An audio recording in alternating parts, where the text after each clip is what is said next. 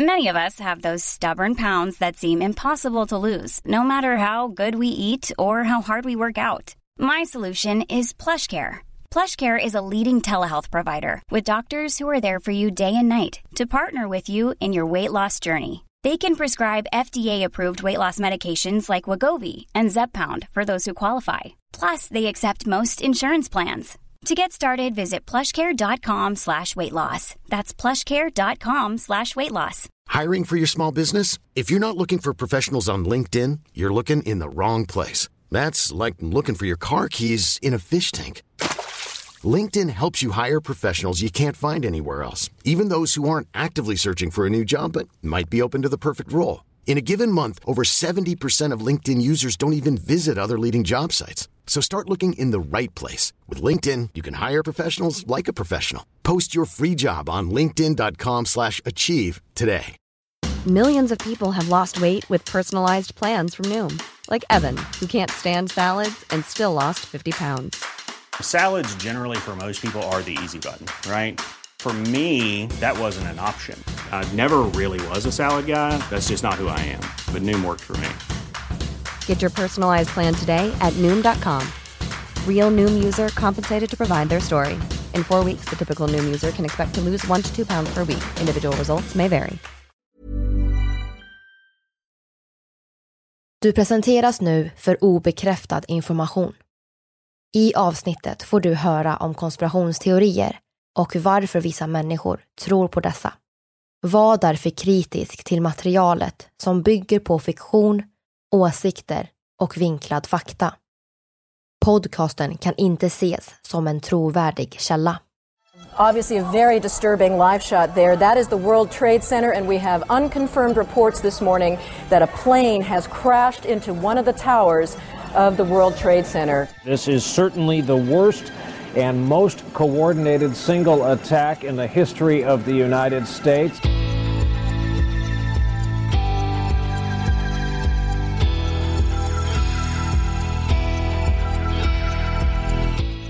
Det här är podden för dig som är intresserad av en annan version av verkligheten. En version som tar upp alternativa teorier, mystiska sammanträffanden och diskussioner om vad som kan vara sant. Mitt namn är Vivi. Och mitt namn är Aida. Och det här är konspirationsteorier.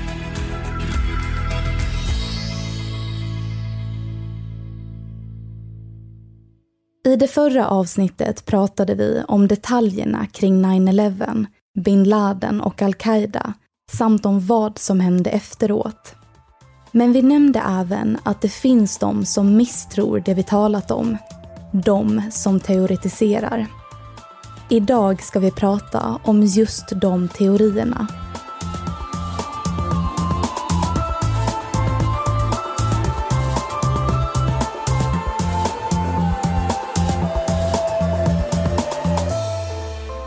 Det här är podden för dig som är intresserad av en annan version av verkligheten.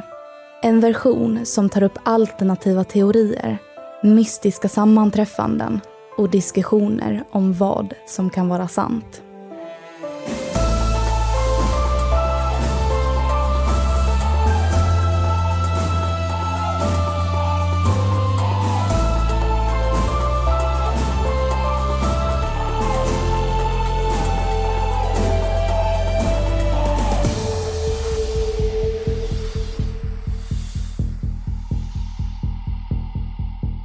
Av de mest kända fraser som truthers brukar använda och som sett stor spridning är frasen “Jet fuel can't melt steel beams”. Vad menas med det? Det är en kritik mot påståendet att World Trade Center 1, 2 och senare 7 ska ha kollapsat på grund av att de fattat eld då planen kraschar in i tornen. Frasen fokuserar på att brinnande flygbränsle inte kan nå en så hög temperatur som krävs för att smälta stålbalkarna i byggnaderna. De menar alltså att den eld som skapats av att interiören börjar brinna och senare späds på med läckande flygbränsle inte är tillräckligt destruktiv för att kunna resultera i att byggnaderna kollapsar. Framförallt inte så fort. Man skulle även kunna koppla detta till World Trade Center 7 som också kollapsar på grund av brandskador. Men inget plan kraschade ju in i byggnaden. Så även om flygbränsle kan få en eld att nå en sån hetta att det smälter balkarna och kollapsar de båda tornen, hur kollapsar då World Trade Center 7? Tänk om flygbränslet inte spelat roll överhuvudtaget. Många truthers påstår att sättet tornen och kontorsbyggnaden kollapsar på pekar mot någonting annat. Något som är mindre naturligt och mer kalkylerat. Nämligen en kontrollerad demolering med hjälp av sprängmedel. Redan timmar efter attacken sprids kommentarer online som påstår att kollapsen av byggnaderna i New York ser alldeles för kontrollerat och perfekt ut. Sättet de faller på är för symmetriskt.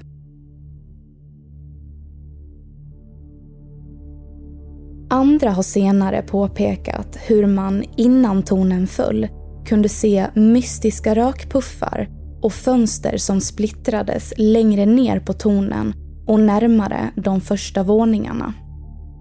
Vittnen har även beskrivit hur de hört vad som låtit som just explosioner strax innan tornen faller. Skulle detta kanske kunna förklara varför de kollapsar så snabbt? World Trade Center 2 brinner i cirka 55 minuter innan det faller. World Trade Center 1 i cirka 100. När de båda tornen och senare även World Trade Center 7 väl rasar så når de extrema hastigheter då de faller mot marken. Det har beskrivits att de når free fall i flera sekunder av de 10 sekunder det tog för byggnaderna att kollapsa. En forskargrupp ledd av fysikern Stephen E. Jones publicerar år 2009 en artikel efter att ha analyserat damm och stoft från Ground Zero.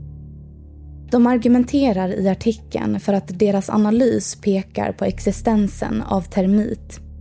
En pyroteknisk komposition som vid en reaktion börjar brinna. De har sedan dess mottagit kritik mot denna hypotes då termit utsöndrar energi och alltså hetta relativt långsamt. Termit skulle alltså inte heller kunna förklara hur stålbalkar smälts eller bryts av. Samma argument som med flygbränslet. Inget av de båda kan skapa en sån intensiv hetta som krävs. Men forskarna och andra som stöttar den här teorin förklarar detta med att det inte handlar om vanlig termit. De menar på att det rör sig om nanotermit eller supertermit som är en mer utvecklad form av ämnet och betydligt mer reaktivt.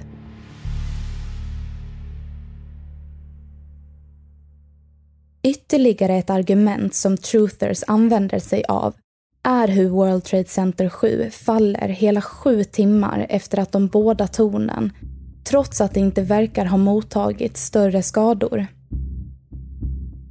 Likt de båda tornen ser även kontorsbyggnaden ut att kollapsa på ett organiserat sätt. World Trade Center 7 beskrivs av närvarande och bland annat i en initial rapport från USAs Federal Emergency Management Agency, mer känt som FEMA, som relativt oskadat. Trots detta kollapsar hela byggnaden.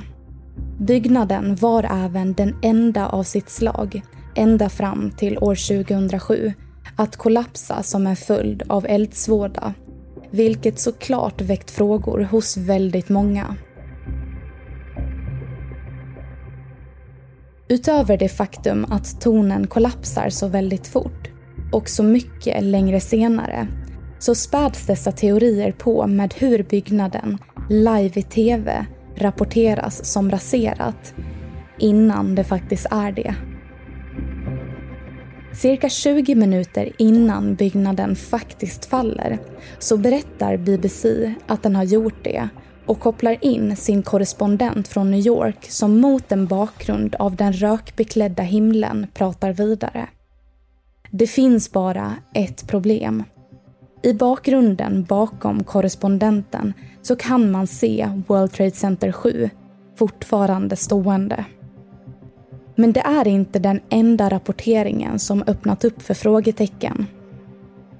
I en intervju med PBS så återberättar Larry Silverstein ett telefonsamtal med en räddningschef där de talar om skadorna på World Trade Center 7.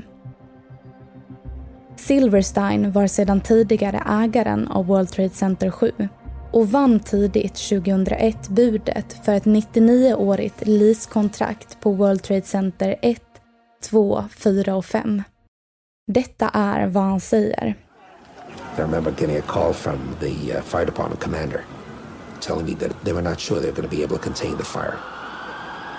And I said, you know, we've had such terrible loss of life. Maybe the smartest thing to do is, is pull it. Uh, and they made that decision to pull, and then we watched the building collapse.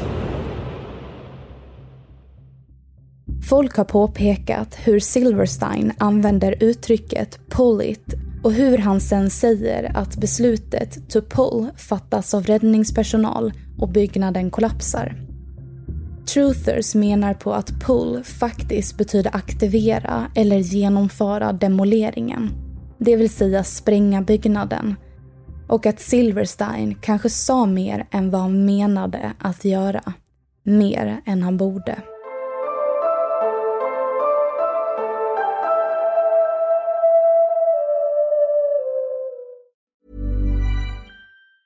Hej, det är Ryan Reynolds, jag är här med Keith, co star of my upcoming film, If, only in theaters, May 17th. Do you want to tell people the big news? All right, I'll do it. Sign up now and you'll get unlimited for $15 a month in six months of Paramount Plus Essential Plan on us. Mintmobile.com slash switch. Upfront payment of $45 equivalent to $15 per month. Unlimited over 40 gigabytes per month. Face lower speeds. Videos at 480p. Active Mint customers by 531.24 get six months of Paramount Plus Essential Plan. Auto renews after six months. Offer ends May 31st, 2024. Separate Paramount Plus registration required. Terms and conditions apply if rated PG. If you thought the only way to get a more defined jawline with natural-looking results was through surgery, think again. Juvederm Volux XC is a non-surgical injectable gel filler that improves moderate to severe loss of jawline definition and can help you achieve natural-looking results with little downtime. Even better, this improved definition lasts up to one year with optimal treatment. No maintenance required. Improve jawline definition for a smooth, sculpted look with Juvederm Volux XC. For important safety information and to find a licensed specialist, visit juvederm.com. That's J U V E D E R M.com. Not for people with severe allergic reactions, allergies to lidocaine, or the proteins used in Juvederm. Common side effects include injection site redness, swelling, pain, tenderness, firmness, lumps, bumps, bruising, discoloration, or itching. There's a risk of unintentional injection into a blood vessel, which can cause vision abnormalities, blindness, stroke, temporary scabs, or scarring. Talk to a licensed specialist to find out if it's right for you. I'm Sandra, and I'm just the professional your small business was looking for. But you didn't hire me because you didn't use LinkedIn jobs. LinkedIn has professionals you can't find anywhere else, including those who aren't actively looking for a new job but might be open to the perfect role, like me. In a given month, over 70% of LinkedIn users don't visit other leading job sites. So if you're not looking on LinkedIn, you'll miss out on great candidates like Sandra. Start hiring professionals like a professional. Post your free job on linkedin.com slash achieve today.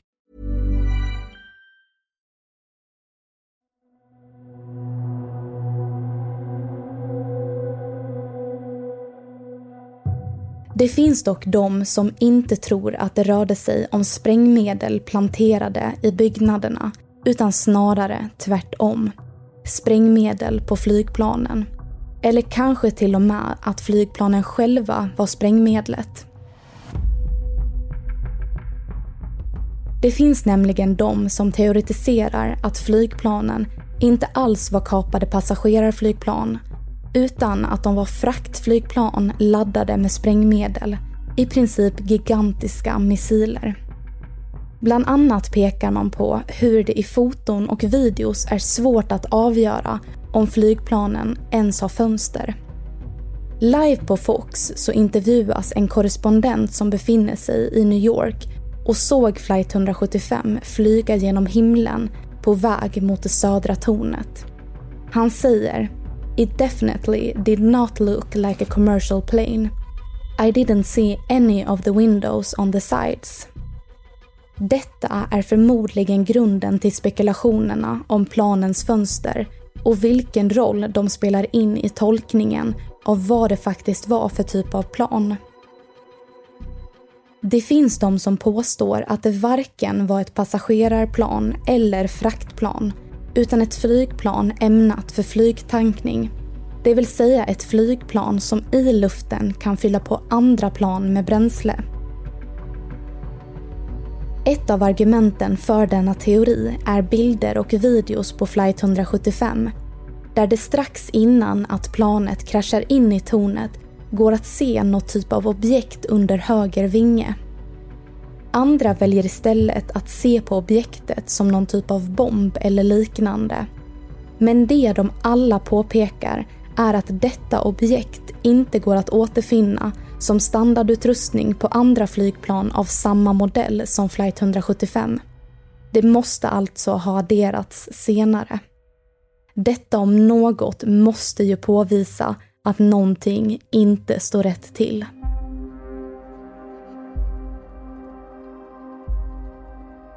Flera av teorierna gällande just flygplanen i New York appliceras även på flight 77 som kraschades in i Pentagon. Det vill säga att folk teoretiserar huruvida det faktiskt var ett flygplan och inte något annat. Kanske en missil. Kanske en drönare. Något som truthers lutar sig mot när de påstår att detta är hur bilder på skadorna av Pentagons västra sida tycks vara missvisande. Det finns ett antal aspekter av bilderna som brukar lyftas fram lite extra. Till att börja med är själva hålet i byggnaden relativt litet.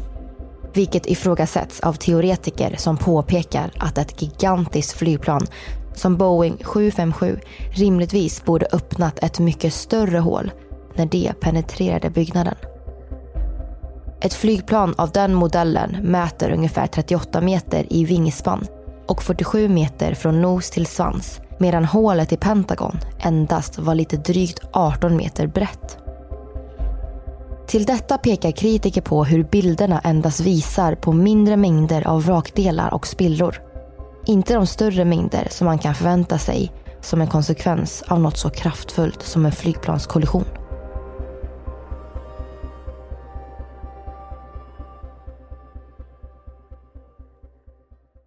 Något annat som går att se i flera bilder och som foliehattar ofta lyfter som ett argument för sina teorier om en missil eller drönarattack är det faktum att flertalet fönster väldigt nära kollisionsplatsen fortfarande är intakta. De har alltså inte splittrats av trycket och energin när flight 77 kolliderar in i byggnaden. Truthers ser framförallt dessa tre aspekter som bevis för att det föremål som används i attacken mot Pentagon måste ha varit mycket mindre än ett plan. Mer precis och med en mer koncentrerad träffyta.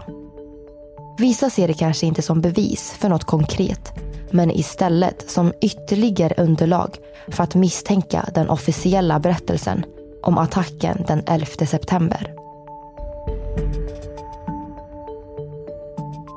Andra väljer att kritisera och ifrågasätta hur attacken, hur den än såg ut, ens kunde genomföras. Attacken mot Pentagon händer strax under en timme efter att det första planet kraschat in i World Trade Center 1 och lite mer än en halvtimme efter att flight 175 kolliderat med World Trade Center 2. Planet hade även, likt de andra planen, stängt av transponder och slutat svara på radiomeddelanden. FAA, med bakgrund av flight 11 och 175, misstänkte, eller förstod, innan attacken på Pentagon genomförs att flight 77 var kapat någonstans runt klockan 9 på morgonen. 38 minuter senare kraschar planet ändå in i den amerikanska militärens huvudkvarter.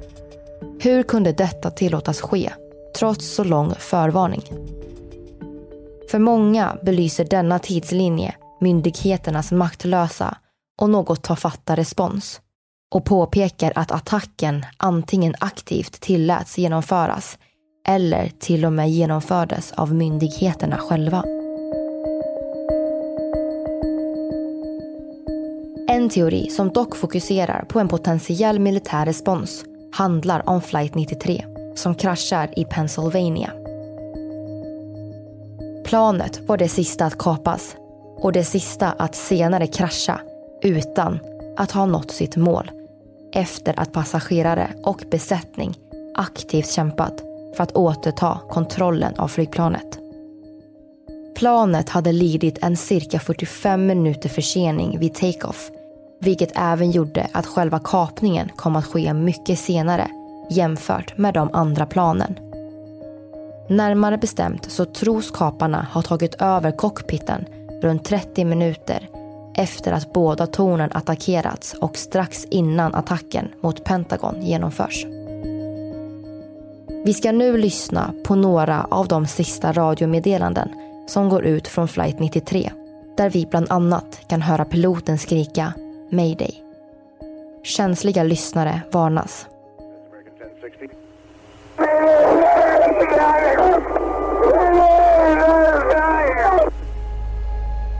När passagerarna på flight 93 genom telefonsamtal kommer i kontakt med anhöriga nås de av nyheten av vad som hänt i New York och förstår vad kaparna har för målsättning. Att krascha planet.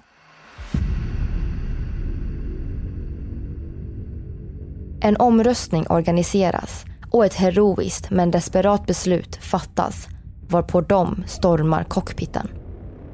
Istället för att förlora kontroll över planet väljer kaparna att krascha mitt ute i det öppna. Det sista meddelandet som spelas in från en mikrofon i cockpiten är Dra ner det, ta ner det. Vilket senare följs av utropet Gud är störst. Gud är störst. Efter detta välte piloten planet ner i marken på ett fält nära orten Shanksville, cirka 21 mil från Washington DC. Men som nämnt finns det de som misstror denna version. De påstår att planet inte alls medvetet kraschade utan att det faktiskt blev nedskjutet. För att motivera det här pekar man på framför allt två faktum. Vittnen berättar om hur det strax efter kraschen syns ett vitt jetflygplan i himlen ovanför det söndertrasade flight 93 som sen snabbt försvinner. Den koncentrerade kraschplatsen är även relativt liten. Återigen något som inte tycks korrelera med storleken på en Boeing 757.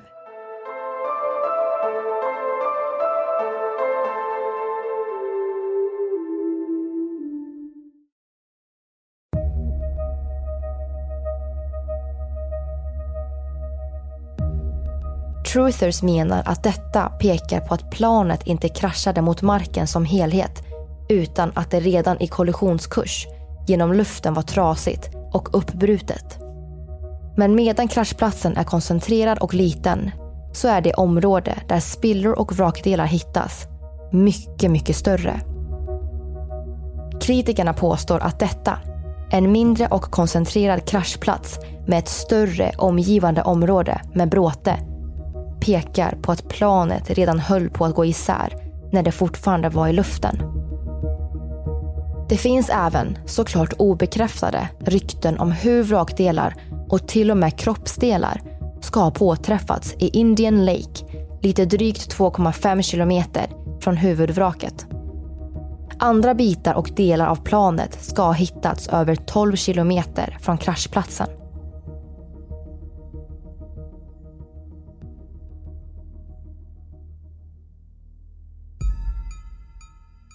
Dessa två faktum leder många teoretiker till att dra slutsatsen att det mindre planet som sågs i himlen efter kraschen skjutit ner flight 93 med någon typ av missil och sen följt det på sin färd mot marken innan det sen lämnar området. I en intervju med den välkända foliehatten Alex Jones så påstår, eller konstaterar, en före detta överste i den amerikanska armén just det här. Planet sköts ner av två missiler från ett jetflyg tillhörande det amerikanska luftvapnet. Men varför? Varför skulle en amerikansk pilot göra det här? I teorin faktiskt lyckas med att stoppa ytterligare en attack men sen förneka det. Det finns en morbid teori som påstår att myndigheterna förnekar att detta ska ha hänt. För att meningen var inte att stoppa ytterligare en attack. Det var istället en åtgärd för att tysta passagerarna på planet.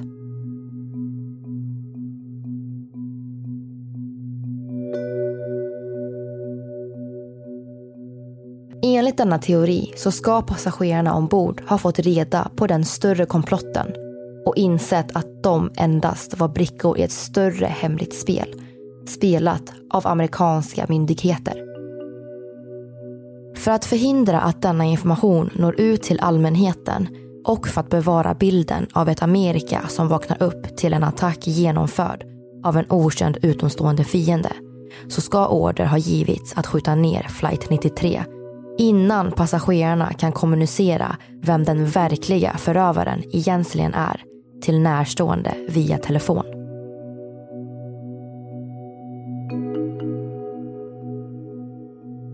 Men det finns ytterligare en teori som istället påstår att kraschen inte resulterade i några offer överhuvudtaget. Varken från kapare eller från amerikanska stridspiloter. Enligt denna teori var det nämligen inte ens flight 93 som kraschade utan ett omarkerat, tomt och utbytt flygplan.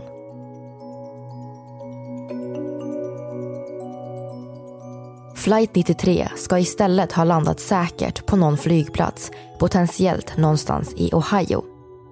Något som spelar in i denna teori är bland annat ett möjligen misstolkat citat från den närvarande obducenten en av de första att anlända till kraschplatsen som bland annat säger Jag slutade att vara obducent efter cirka 20 minuter eftersom det inte fanns några kroppar där. Vi har nu pratat om flera teorier för hur de olika attackerna kan ha genomförts och vad olika grupperingar av truthers påstår faktiskt hände. Men den viktigaste frågan kanske kvarstår. Vem stod faktiskt bakom 9-11?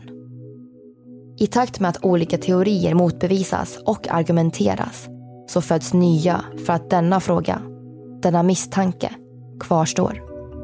Frågan om vem som faktiskt stod att tjäna på attacken och dess konsekvenser. Konsekvenser som än idag ekar genom nationell och internationell politik, diplomati, militär strategi och även i vardagslivet för miljoner av människor runt om i världen. Var det verkligen en terroristgrupp bestående av missnöjda, desperata och militanta unga män ledda av den ännu mer missnöjda, desperata och militanta Osama bin Laden som kapade planen den där septembermorgonen? Hade verkligen al-Qaida de resurser och den kunskap de behövde för att kunna planera och genomföra något sånt här. Den första större attacken mot det mäktiga Amerika på dess egna territorium sedan bombningen av Pearl Harbor av japanerna 1941. Det är något vi ska undersöka nästa gång.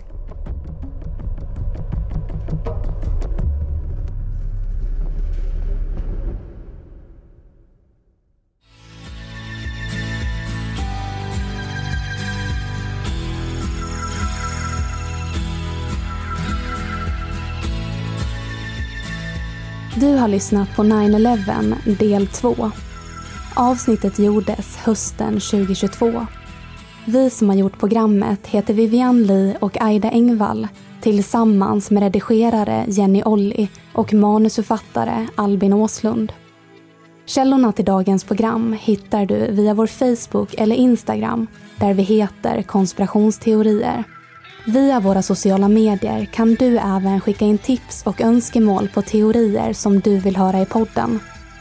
Vill du höra fler avsnitt av konspirationsteorier? Besök din poddapp och lyssna på avsnitt som Pentagons UFO-rapport. I, I honestly don't know. I don't think that we have developed that technology. I don't think we developed it on this planet. Bob Lazar och Area S4. The job I had, the involvement with, uh, you know, the government cover-up, that sort of thing. The story isn't altered. Och mycket mer.